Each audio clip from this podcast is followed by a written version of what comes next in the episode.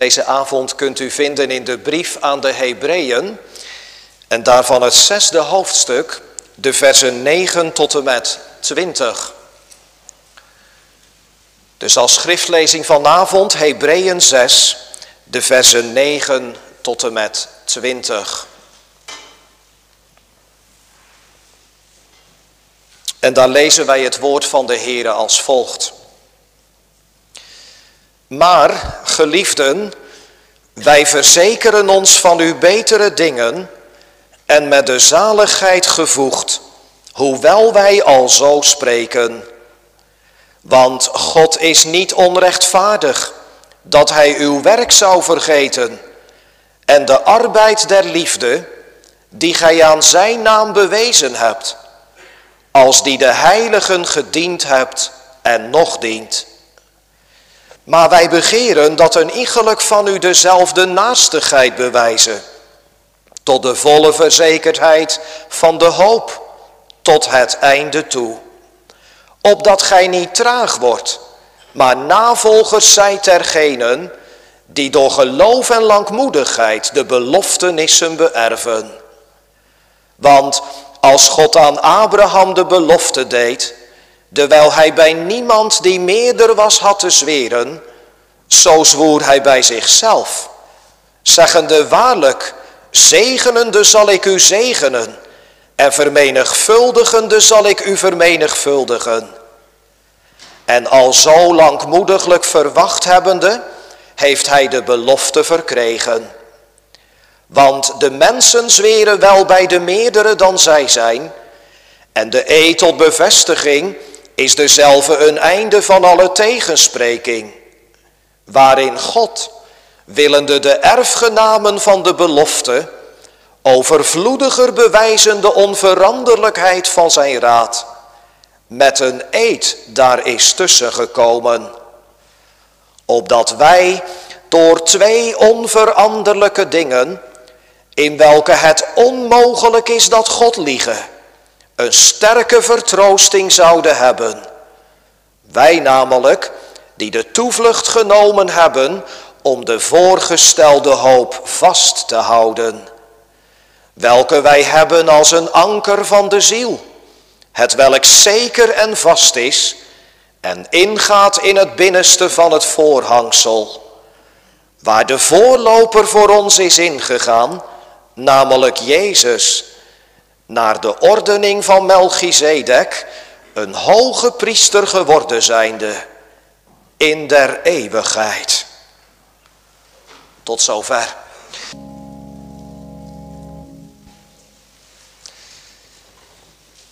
Gemeente, de tekstwoorden waaruit ik u vanavond het woord van God bedienen mag, kunt u vinden in het schriftgedeelte wat u zojuist voorgelezen is. Hebreeën 6, en daarvan de versen 18 tot en met 20.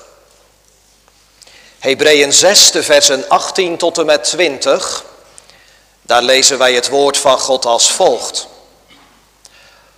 Opdat wij door twee onveranderlijke dingen, in welke het onmogelijk is dat God liegen, een sterke vertroosting zouden hebben. Wij namelijk, die de toevlucht genomen hebben om de voorgestelde hoop vast te houden, welke wij hebben als een anker van de ziel, het welk zeker en vast is en ingaat in het binnenste van het voorhangsel, waar de voorloper voor ons is ingegaan, namelijk Jezus, naar de ordening van Melchizedek, een hoge priester geworden zijnde in der eeuwigheid.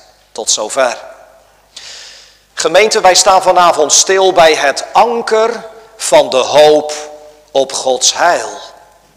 Het anker van de hoop op Gods heil. Wij letten daarbij op twee aandachtspunten. In de eerste plaats staan we erbij stil waaruit dit anker bestaat. Stel je eens gedachten even een scheepsanker voor, jongens en meisjes. Een scheepsanker. Zo'n scheepsanker die heeft twee ankerpunten. Nou, het anker waar het vanavond over gaat, die heeft ook twee ankerpunten. Kijk maar mee, vers 18 en 19a. Opdat wij door twee onveranderlijke dingen, in welke het onmogelijk is dat God liegen, een sterke vertroosting zouden hebben. Wij namelijk, die de toevlucht genomen hebben om de voorgestelde hoop vast te houden, welke wij hebben als een anker van de ziel, het welk zeker en vast is. In de tweede plaats letten wij erop waarin dit anker hecht. Want je kunt een heel groot en stevig anker hebben. Maar dat scheepsanker dat moet in bepaalde ankergrond komen te liggen om te hechten. Dat geldt ook van dit anker. En waarin dit anker hecht lezen we in vers 19b en 20. En ingaat in het binnenste van het voorhangsel, waar de voorloper voor ons is ingegaan, namelijk Jezus, naar de ordening van Melchizedek, een hoge priester geworden zijnde in der eeuwigheid. Dus we staan vanavond stil bij het anker van de hoop op Gods heil. We letten in de eerste plaats erop waaruit dit anker bestaat. En in de tweede plaats staan we erbij stil waarin dit anker hecht. Gemeente, ik neem u vanavond in gedachten mee naar Vlissingen. De boulevard van Vlissingen. Stel u zich eens even voor hoe het er daaruit ziet als morgen storm Corrie met windkracht 8 over Nederland raast. U staat daar aan de boulevard en je ziet het water van de Westerschelde voor je. De wind buldert en de golven van de zee, ze komen meters hoog op de kust aangerold om daar in wolken van schuim uiteen te spatten op de basaltkeien van de kust. En kijk eens, daar midden in die vliegende storm ligt er een schip. Soms zijn de golven die over dat schip gaan zo hoog dat dat schip even uit ons gezichtsveld verdwijnt en het als het ware helemaal door het water wordt opgenomen. Maar even later zie je het toch weer liggen. En het ligt daar nog steeds. Op precies dezelfde plaats. Onwankelbaar vast. Hoe komt dat? Wel, dat komt gemeente omdat dat schip aan een anker ligt omdat er een anker aan een ijzeren ketting vanuit dat schip geworpen is. Een anker wat in de zeebodem hecht. En daarom wordt dat schip niet meegesleurd door de geweldige kracht van de golven en de stroming. Daarom blijft het vast en zeker op diezelfde plaats. Vanwege dat anker waar het schip aan vast ligt. Daarom is het vast en veilig. En toch nog veel vaster en nog veel veiliger ligt het levensschip van al Gods kinderen verankerd. Het ligt verankerd gemeente aan dat anker waar het vanavond over gaat in de bediening van het woord van God. Het anker van de hoop op Gods heil. Wij vinden deze tekstwoorden die vanavond centraal staan in de brief aan de Hebreeën. Kent u ze ook, die Hebreeën? Als je goed luistert naar de naam die ze dragen in deze brief, Hebreeën, dan hoor je daarin al iets doorklinken over hun achtergrond. Abraham werd in de Bijbel immers ook een Hebreeër genoemd. Dus die Hebreeën, dat zijn Joodse christenen aan wie deze brief gericht is. Joodse christenen. Dat blijkt trouwens niet alleen uit de naam van deze brief. Dat blijkt ook uit de inhoud van deze brief. Want de schrijver, hij gaat ervan uit dat die eerste lezers van deze brief, de Hebreeën, Dat ze een grote kennis hebben van de boeken van het Oude Testament. En in het bijzonder dat ze heel goed op de hoogte zijn van de offerwetgeving en de priesterdienst in de tabernakel en later in de tempel te Jeruzalem, de Hebreeën. Waarschijnlijk gemeente gaat het om Joodse christenen die wonen in Rome. Rome, jongens en meisjes, is vandaag de hoofdstad van Italië. Maar in de tijd van het Nieuwe Testament is Rome vooral de hoofdstad van het machtige Romeinse wereldrijk. Een wereldrijk wat zich uitstrekt vanuit deze lage landen aan de zee in West-Europa tot aan het Midden-Oosten toe. En daar in Rome staat de prachtige residentie van de keizer, die dat grote Romeinse wereldrijk regeert. En daar wonen ze, in Rome. De Hebreeën, Joodse christenen. Maar gemeente, wat hebben zij het daar ontzaglijk moeilijk. Ontzettend moeilijk. Wat een stormen van, en golven van verdrukking en van benauwdheid gaan er over hen heen. Want daar in Rome worden christenen immers bloedig vervolgd.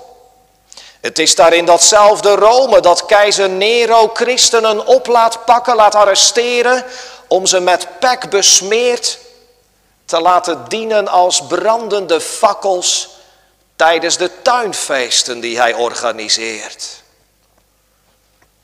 Kijk, en in die context ontvangen deze christenen in Rome een brief. Een brief? Is het eigenlijk wel een brief? Ja, wij spreken over de brief aan de Hebreeën. Maar wie deze brief, laten we hem zo dan maar noemen, bestudeert, die ontdekt dat deze brief eigenlijk veel meer lijkt op een lange preek dan op een brief. De typische kenmerken van een brief, zoals je dat vindt bij de brieven van Paulus, die begint met de afzender te vermelden en de geadresseerden en het thema, en die zo die brief opbouwt volgens een bepaalde volgorde, dat vind je eigenlijk helemaal niet in deze brief, tussen aanhalingstekentjes. Het is meer een lange preek. Een lange preek waarin de schrijver van deze brief, wie het ook geweest mogen zijn, de Hebreeën daar in Rome voortdurend aanspoort tot volharding. Tot volharding in het geloof. Het is alsof hij ze van hoofdstuk tot hoofdstuk wil aansporen en wil bemoedigen en wil aanmoedigen, o houd toch vast aan de beleidenis van de Heer Jezus Christus, de Zoon van God die in de wereld gekomen is om zondaren zalig te maken. En hoe groot de verleiding ook kan zijn om zijn naam te verloochenen en om het woord van God ontrouw te worden, houd toch vast, houd toch vast aan die ene naam van de Heer Jezus Christus. Een oproep tot volharding. Dat is de rode draad in dit Bijbelboek. En gemeente, dat zien we ook heel duidelijk in dit zesde hoofdstuk. Kijkt u even mee in de versen 4 tot en met 8. Waarschuwt de apostel heel indringend tegen afval van het geloof. En vanaf vers 9 spoort hij opnieuw aan tot volharding in het geloof. Maar geliefden, wij verzekeren ons van uw betere dingen en met de zaligheid gevoegd, hoewel wij al zo spreken, want God is niet onrechtvaardig dat hij uw werk zou vergeten en de arbeid der liefde die gij aan zijn naam bewezen hebt, als die de heiligen gediend hebt en nog dient. Ja, zo spoort de apostel aan in dit hoofdstuk tot volharding en ja, jongens en meisjes, zoals jouw juf of meester dat op school soms ook doet. Ik bedoel een voorbeeld erbij halend om iets duidelijk te maken. Zo doet de schrijver van deze brief dat ook. En hij wijst deze Hebreeën op een voorbeeld uit het Oude Testament wat ze allemaal ongetwijfeld gekend hebben. Het voorbeeld van Abraham, de vader van alle gelovigen. Abraham, u kent hem ook hè? Als ik u nou vanavond vragen zou, waardoor wordt nou het leven van Abraham op aarde gekenmerkt? Wat zou dan uw antwoord zijn? De apostel zegt in dit gedeelte, het leven van Abraham, de vader van alle gelovigen, dat was allereerst en allermeest een leven wat bestond uit volharding. Volharding in het geloof aan wat God hem beloofd had. Volharding in het geloof aan Gods beloften. Ga even mee in gedachten naar Genesis 12 gemeente. Daar lezen we immers hoe de Heere Abraham roept tot de kennis van zijn genade vanuit de dienst van de afgoderij. En als God daar in het leven van Abraham komt en hem trekt tot zijn genade, dan komt de Heere daar ook tot Abraham met zijn belofte. Luistert u maar. In Genesis 12 lezen we, de Heere nu had tot Abraham gezegd, ga gij uit uw land en uit uw maagschap en uit uw vaders huis naar het land dat ik u wijzen zal. En, dan komen de beloften, en ik zal u tot een groot volk maken en u zegenen en uw naam groot maken en wezen zegen. En ik zal zegenen die u zegenen en vervloeken die u vloekt. En in u, Abraham, zullen alle geslachten van de aarde gezegend worden. Hé, hoort u dat? In u, Abraham, zullen alle geslachten van de aarde gezegend worden. Dat wijst vooruit, gemeente. Dat wijst vooruit naar die grote nakomeling met een hoofdletter van Abraham. Christus. Door Christus zal God zondaren uit alle volken van de aarde zegenen in zijn genade. Kijk, zo is de Heer in de bekering van Abraham, in de roeping van Abraham, met zijn belofte tot Abraham gekomen. En wie zo het leven van Abraham verder overziet in de Bijbel, die ontdekt dat de Heer telkens op die belofte teruggekomen is. Die ontdekt ook dat die belofte van de Heere aan Abraham, door de Heere aan Abraham later zelfs met een eed bevestigd is. Kijk maar, daar staat Abraham in Genesis 22 op de top van de berg Moria. En als dan zijn hand al omhoog gaat, om gehoorzaam aan de opdracht van de Heere zijn zoon te offeren, dan klinkt daar plotseling die stem uit de hemel. Ik zweer bij mijzelf, spreekt de Heere, daarom dat gij deze zaak gedaan hebt en uw zoon uw enige niet onthouden hebt.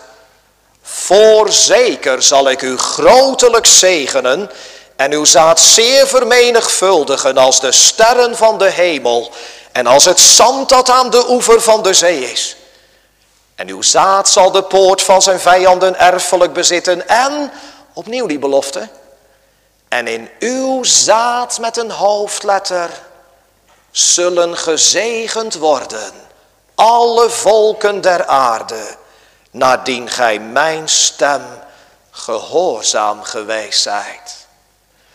Ja, God bevestigt zijn belofte aan Abraham met een eed. Dat was toch helemaal niet nodig, jongens en meisjes? Dat was toch helemaal niet nodig? Want God is toch de God die alles kan, behalve liegen. En waarom heeft de Heer dan die belofte aan Abraham met een eed bevestigd? Waarom heeft hij dat zelfs gezworen? Omdat Abraham dat nodig had, gemeente. om het zwakke aangevochten geloof van Abraham te ondersteunen, te stutten, te sterken. Zodat Abraham, ook wanneer hij werd aangevochten in het geloven, des te zekerder weten zou, hij komt, hij komt, de zaligmaker van zondaren, want God heeft het beloofd en God heeft het gezworen met een eed, opdat Abraham daarmee te meer zal volharden in het geloof aan Gods belofte. Kent u intussen datzelfde geloof ook in uw leven? Dat geloof wat woonde in Abraham, Isaac en Jacob. Dat is niet minder dan een wonder van God als dat zo is. Want uw hart en jouw hart en mijn hart dan vind je van nature geen druppel geloof in. Integendeel.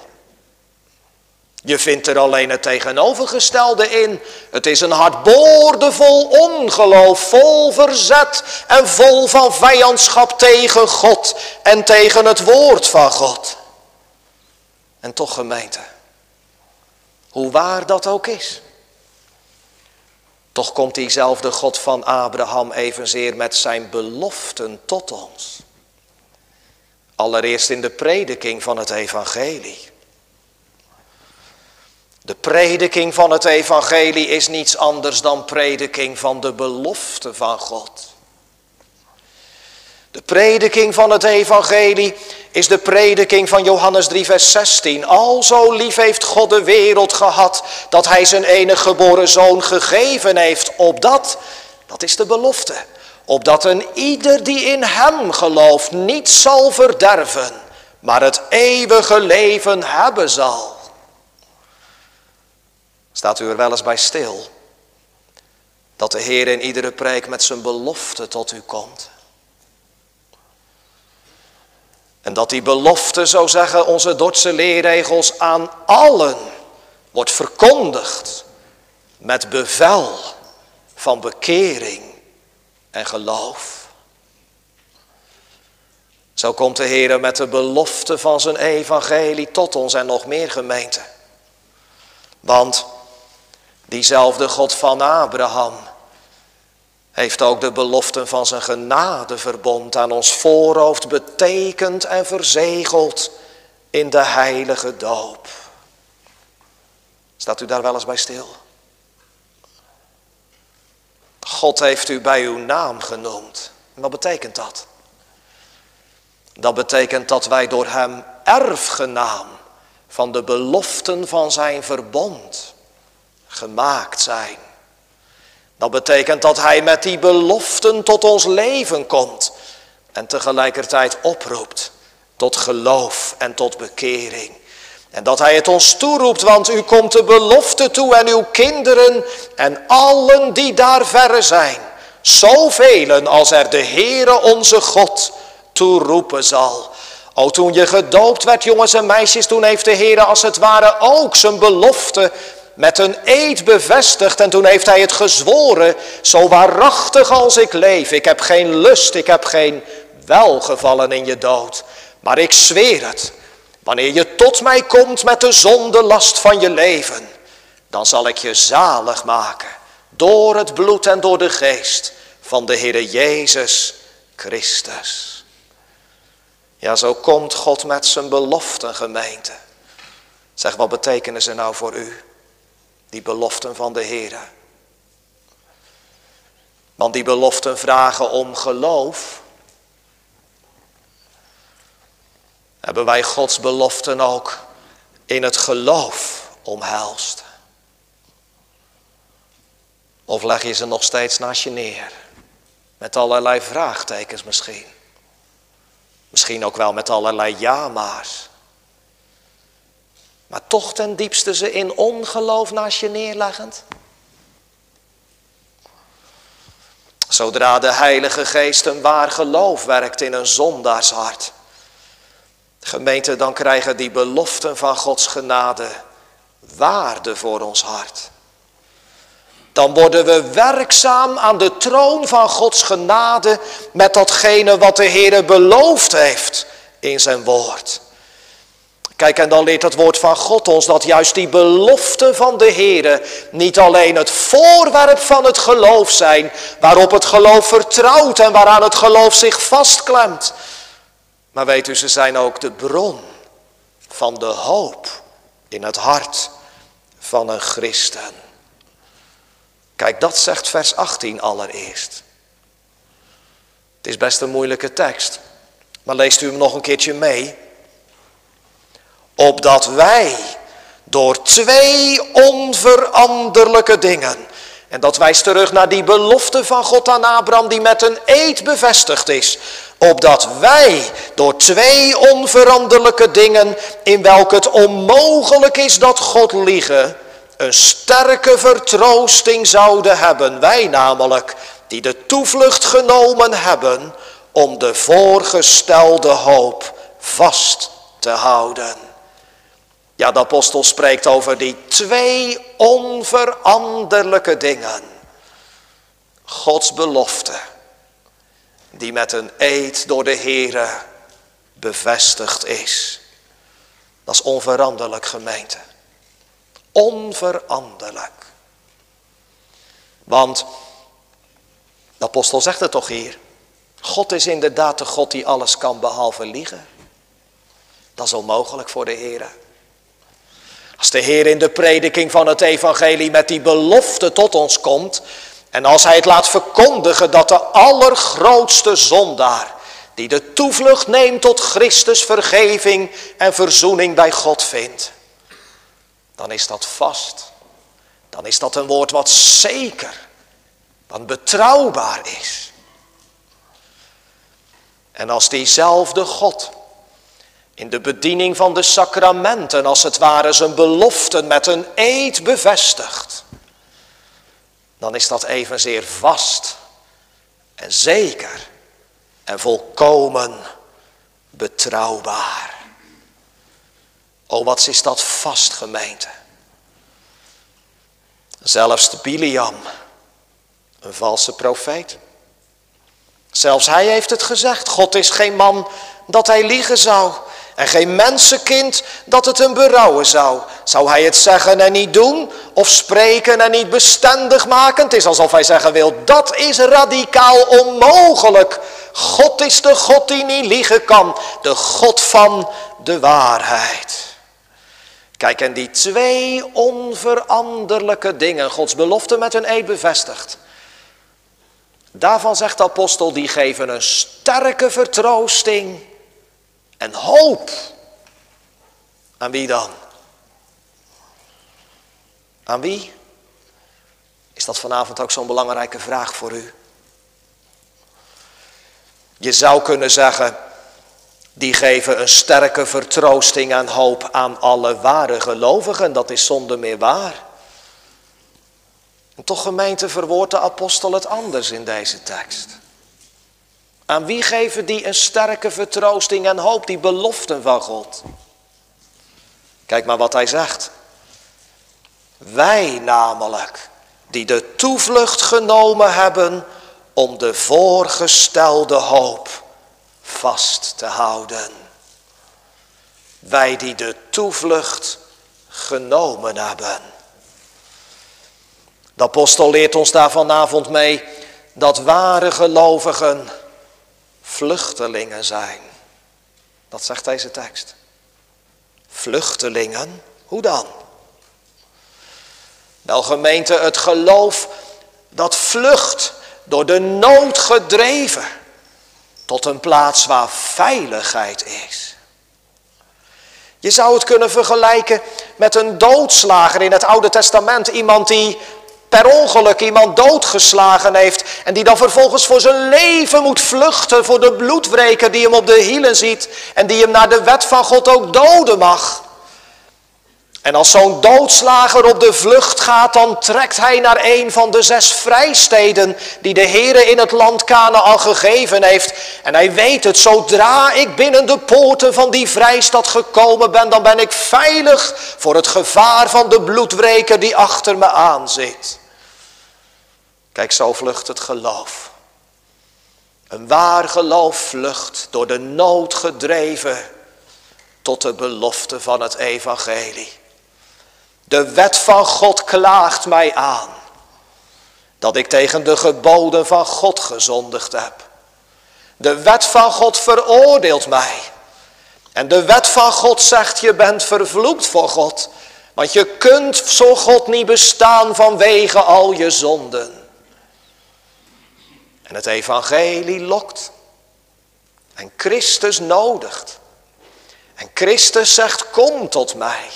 Vlucht tot mij. Neem de toevlucht tot mij.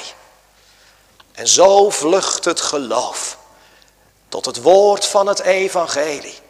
Tot Christus in het evangelie. En het vindt in de beloften van het evangelie God als een verzoend God in Christus. Is dat herkenbaar voor uw gemeente? Wat is die belofte van God onmisbaar voor een ware gelovige? O, die beloften van God die geven aarzelende zondaren vrijmoedigheid om tot Christus te vluchten, omdat Hij het zegt in de belofte, die tot mij komt, die zal ik geen zins uitwerpen. Die belofte van God, dat is het eerste en het laatste houvast van het geloof. Daaraan klemt het geloof zich vast, daarop hoopt het geloof, daaruit leeft het geloof. En die belofte van God die blijft ook in alle strijd en aanvechting. Het hou vast van het geloof. Als de duivel mij aanvecht en benauwt. En als, als ik helemaal niks meer kan bezien van het werk van God in mijn leven. Als de macht van het ongeloof in mijn hart zo ontzaglijk groot is. Dan toch dan toch zegt het geloof, Heere, ik hoop in al mijn klachten op uw onfeilbaar woord. Want heren, ook al gaat dat woord dwars tegen mijn ervaring in. En heren, ook al zie ik er helemaal niks van. Dan bent u toch de God die niet liegen kan. En dan bent u toch de God die de waarmaker van uw woord bent en blijft in uw genade. En hoe hoog dan die golven ook gaan en hoe hevig de storm ook is. Het geloof zegt, Heere, doe zoals u beloofd hebt. Want u bent de God die niet liegen kan. Kijk gemeente, dat is wat de apostel hier voor ogen heeft.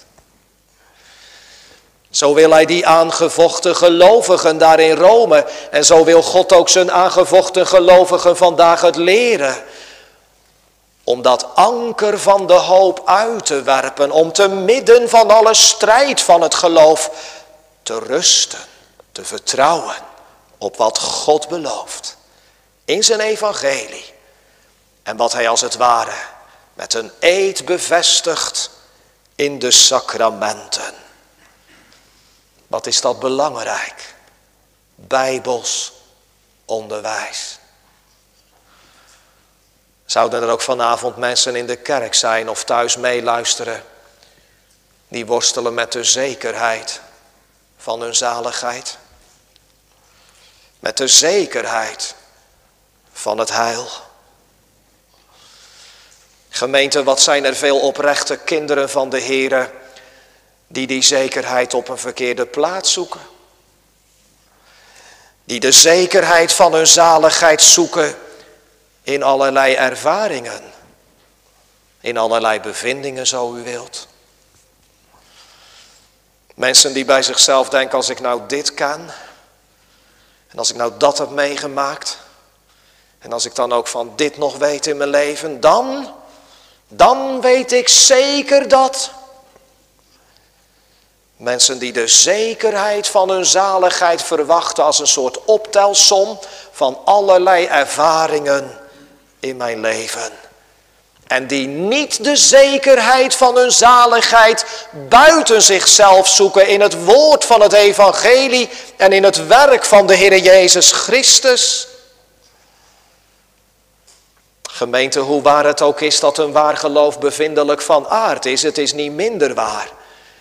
Dat wij de vastheid en de zekerheid nooit in onze ervaringen zullen vinden.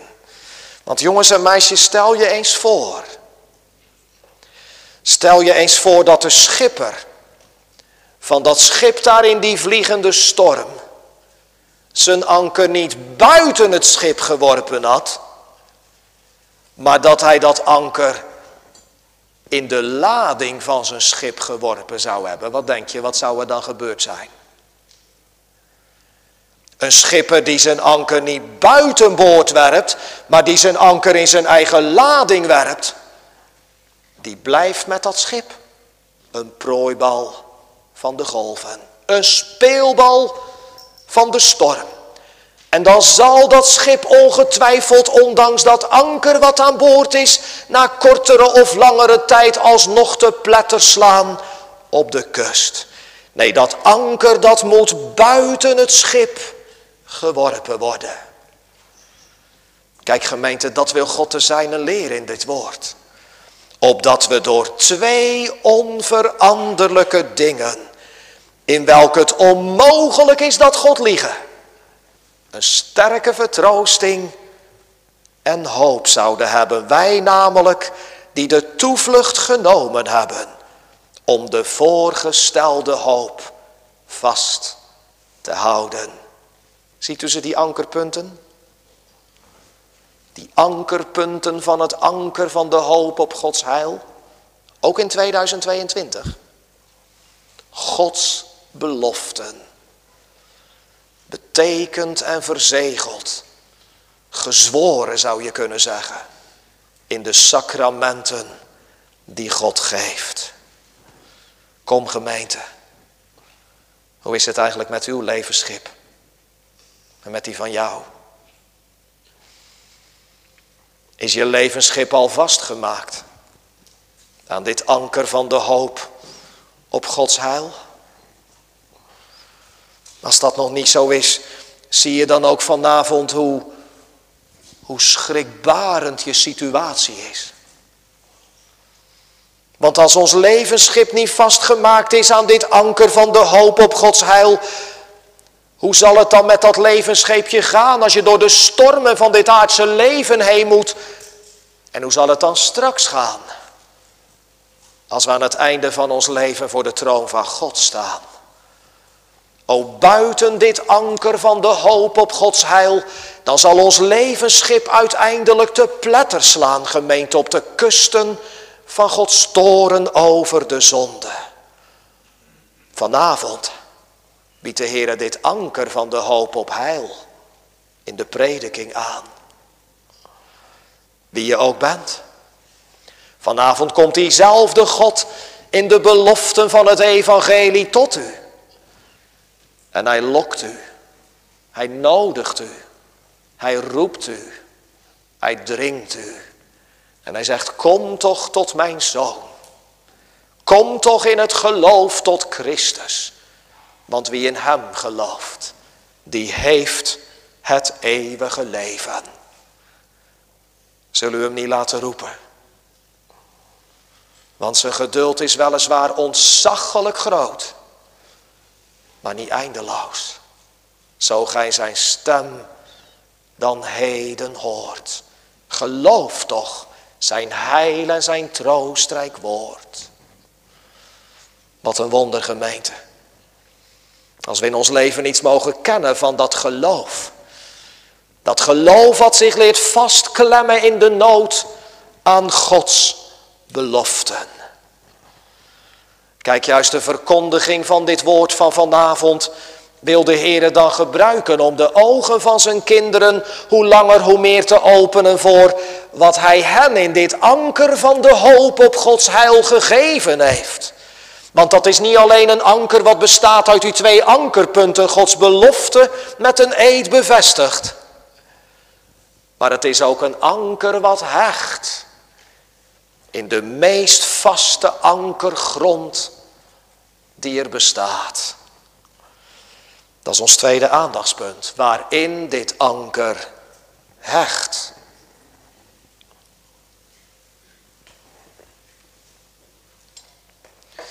Iedereen kan dat vanavond zich voorstellen, toch?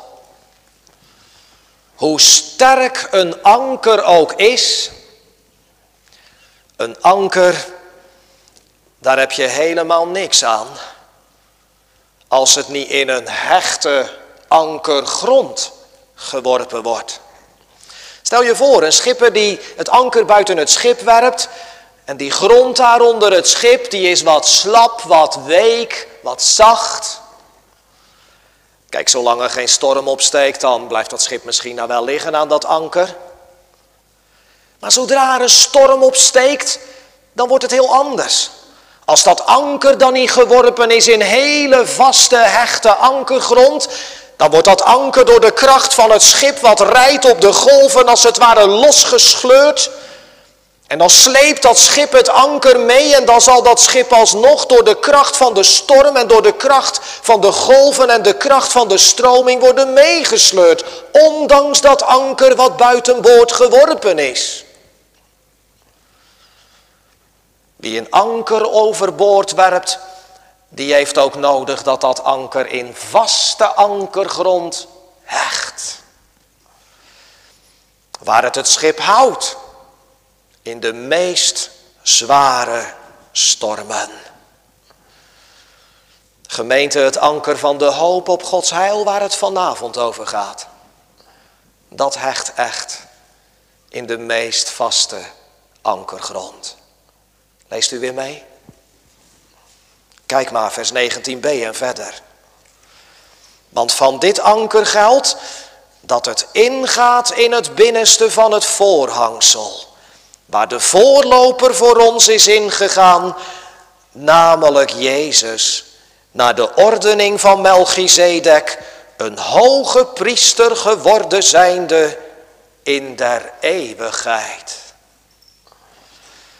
Ja, wie hier op aarde het anker van een schip uitwerpt, die werpt zijn anker in de diepte, toch?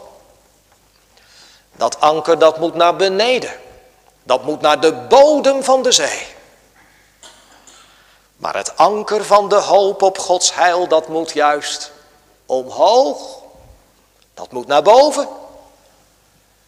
Dat moet naar de plaats waar de grote hoge priester in de hemel is.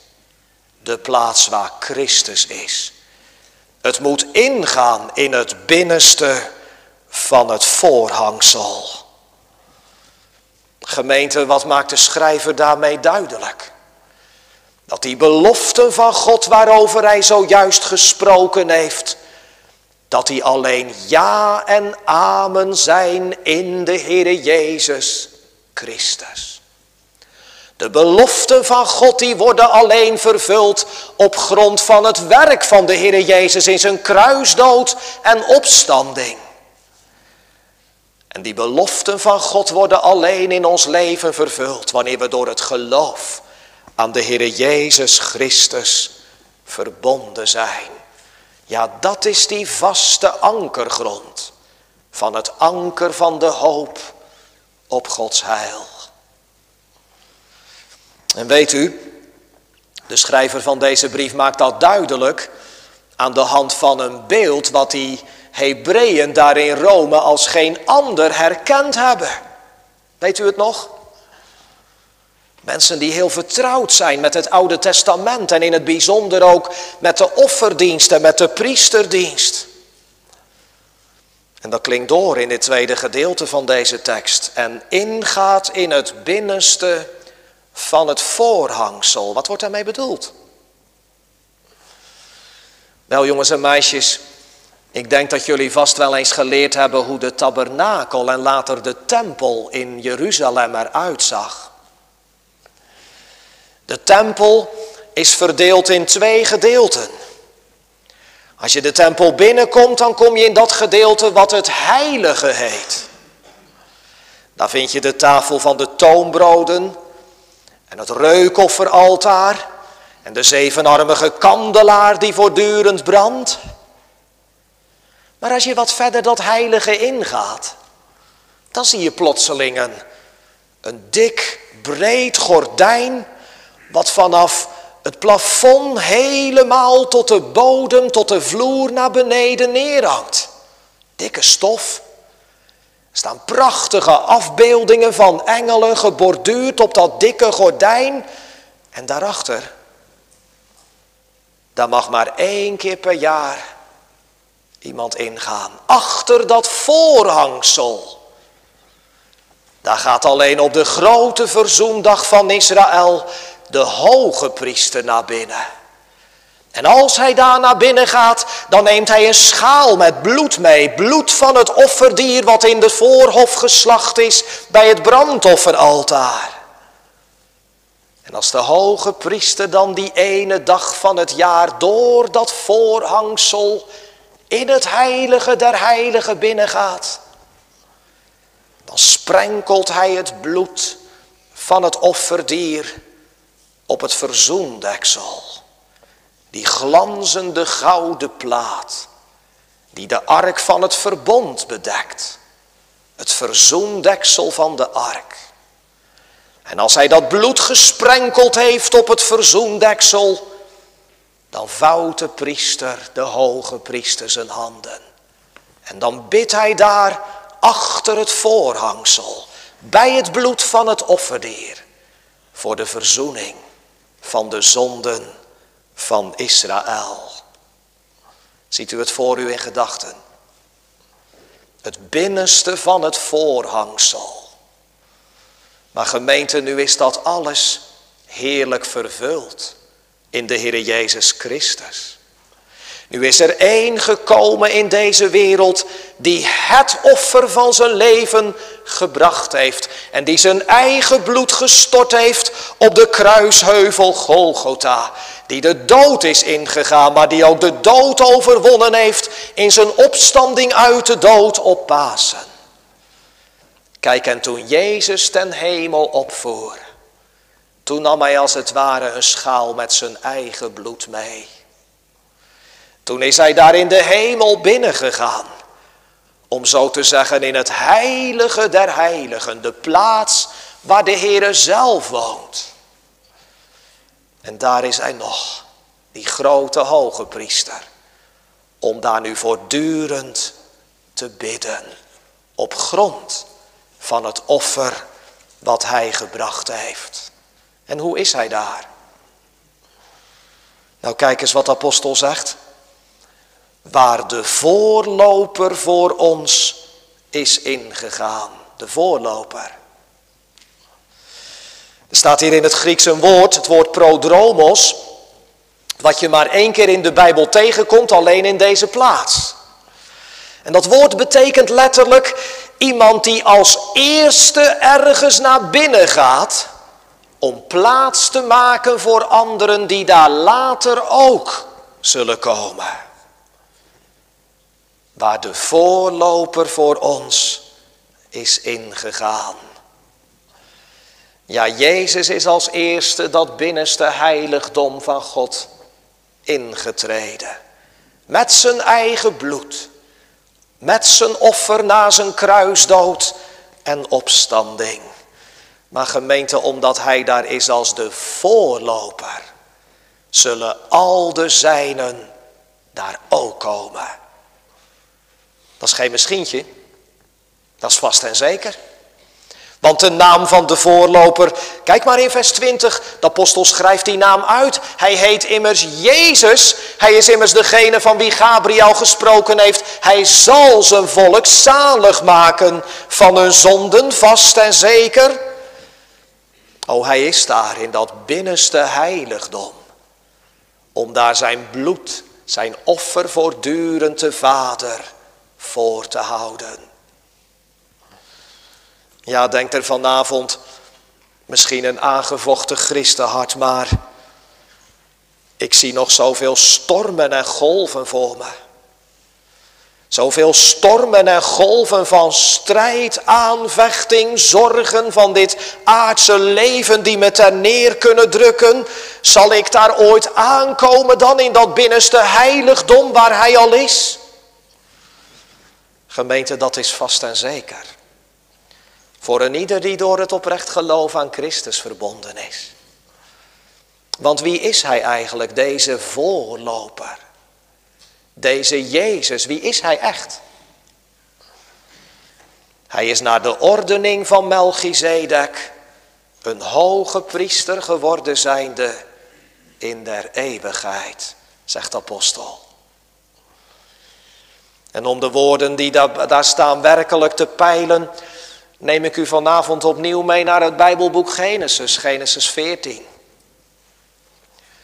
Kijk, daar ontmoet Abraham, als hij terugkomt van een oorlogstocht, plotseling een priester.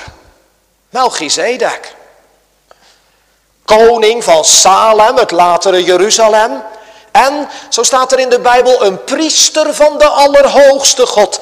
En als Abraham daar terugkomt als overwinnaar van zijn oorlogstocht, dan breidt Melchizedek de priester zegenend zijn priesterlijke handen uit over Abraham. En hij zegent hem in de naam van de Allerhoogste God. En dan? Dan lijkt het wel in het boek Genesis alsof Melchizedek in één keer verdwenen is. Plotseling is hij daar. Genesis 14. En even plotseling is hij verdwenen uit het Bijbelboek Genesis. Je zou kunnen zeggen, het lijkt wel alsof hij er altijd geweest is en altijd zijn zal. Want je leest niet van een begin en van een einde van deze hoge priester. Precies. Precies. En daarom zegt de dichter van Psalm 110, is Melchizedek een voorafschaduwing van Christus geweest. Zonder begin en zonder einde is hij hoge priester. Een eeuwige hoge priester. Naar de ordening van Melchizedek een hoge priester geworden zijnde, let erop, in der eeuwigheid, zegt de schrijver. Wat een boodschap gemeente. Christus is niet even priester. Christus is een eeuwige priester. En dat is de lijn die ook verder gaat in Hebreeën 7. Want daar schrijft de schrijver in vers 24 bijvoorbeeld, maar deze, omdat hij in der eeuwigheid blijft, heeft een onvergankelijk priesterschap. Wat dacht u? Zou dat niet toch geweldige troost en tot bemoediging geweest zijn? Voor die aangevochten christenen daar in Rome. Die de tuinfeesten van Nero in het vooruitzicht hadden. Of de arena. Waar ze tot schouwspel voor het hele volk met de wilde dieren moeten vechten. Het is alsof de apostel zegt, bedenk het, verdrukte christenen. Uw zaligmaker is een eeuwige hoge priester. Wat betekent dat? Wel gemeente, dat betekent dat hij blijft bidden. Op grond van het offer van zijn bloed. Dat betekent dat hij blijft bidden aan de rechterhand van de Vader. Niet alleen voor de uitbreiding van Gods koninkrijk, maar ook voor de bewaring in het geloof van al de zijnen. 24 uur per dag. Zeven dagen per week. Pleit deze hoge priester aan de troon van God. En hij zegt het, Vader, bewaar ze in uw naam, die gij mij gegeven hebt. Hij blijft bidden als een eeuwige hoge priester. Vindt u dat ook zo troostvol? Gods kinderen kunnen diep in de zonde vallen, dat is waar. Maar weet u, ze kunnen nooit vallen uit het hart van de hoge priester. En ze vallen ook nooit uit zijn hoge priesterlijk gebed. Als de hoge priester in het Oude Testament zijn hoge priesterlijke kleren aantrekt, dan zie je dat hij die prachtige borstlap draagt. Twaalf edelstenen erin, met daarop de namen gegraveerd van de twaalf stammen van Israël. En op zijn schouders draagt hij nog een keer, twee keer zes edelstenen met de namen van de stammen van Israël. O, die hoge priester, die draagt het volk op zijn hart en op zijn schouders. En deze hoge priester dan gemeente. Hij draagt de zijnen voortdurend op zijn hart. En dat is een hart wat in priesterlijke bewogenheid van liefde brandt, van eeuwige liefde, van eeuwige trouw en van eeuwige ontferming. Hij draagt de zijnen altijd op zijn hart. En hij draagt ze tegelijkertijd op zijn sterke schouders. Wat een hoge priester.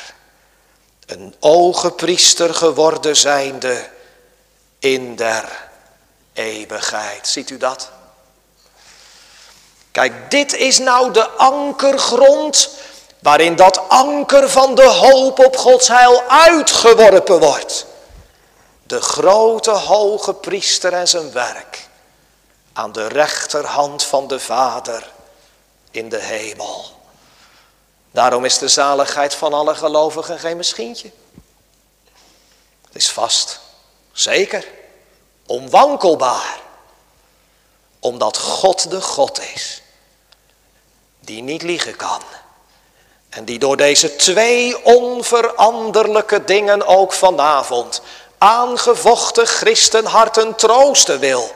En zoals het ware wil laten blikken in dat binnenste heiligdom waar Christus is. Die grote hoge priester over het huis van God. Kom gemeente.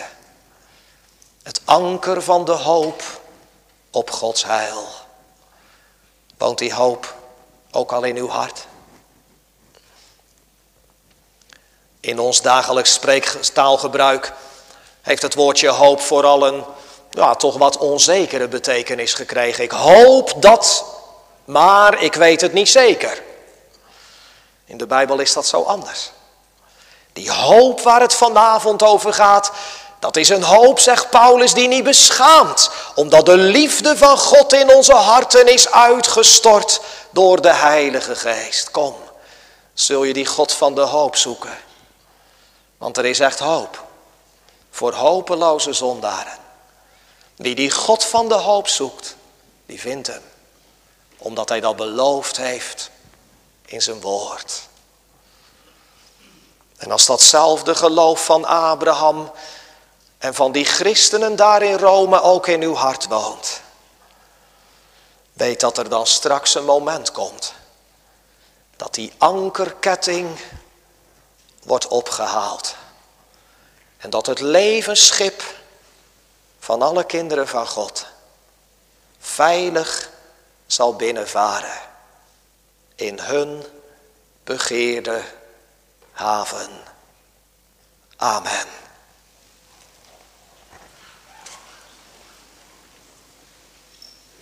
We gaan dat samen zingen, gemeente. Psalm 107, het vijftiende vers. Psalm 107, vers 15.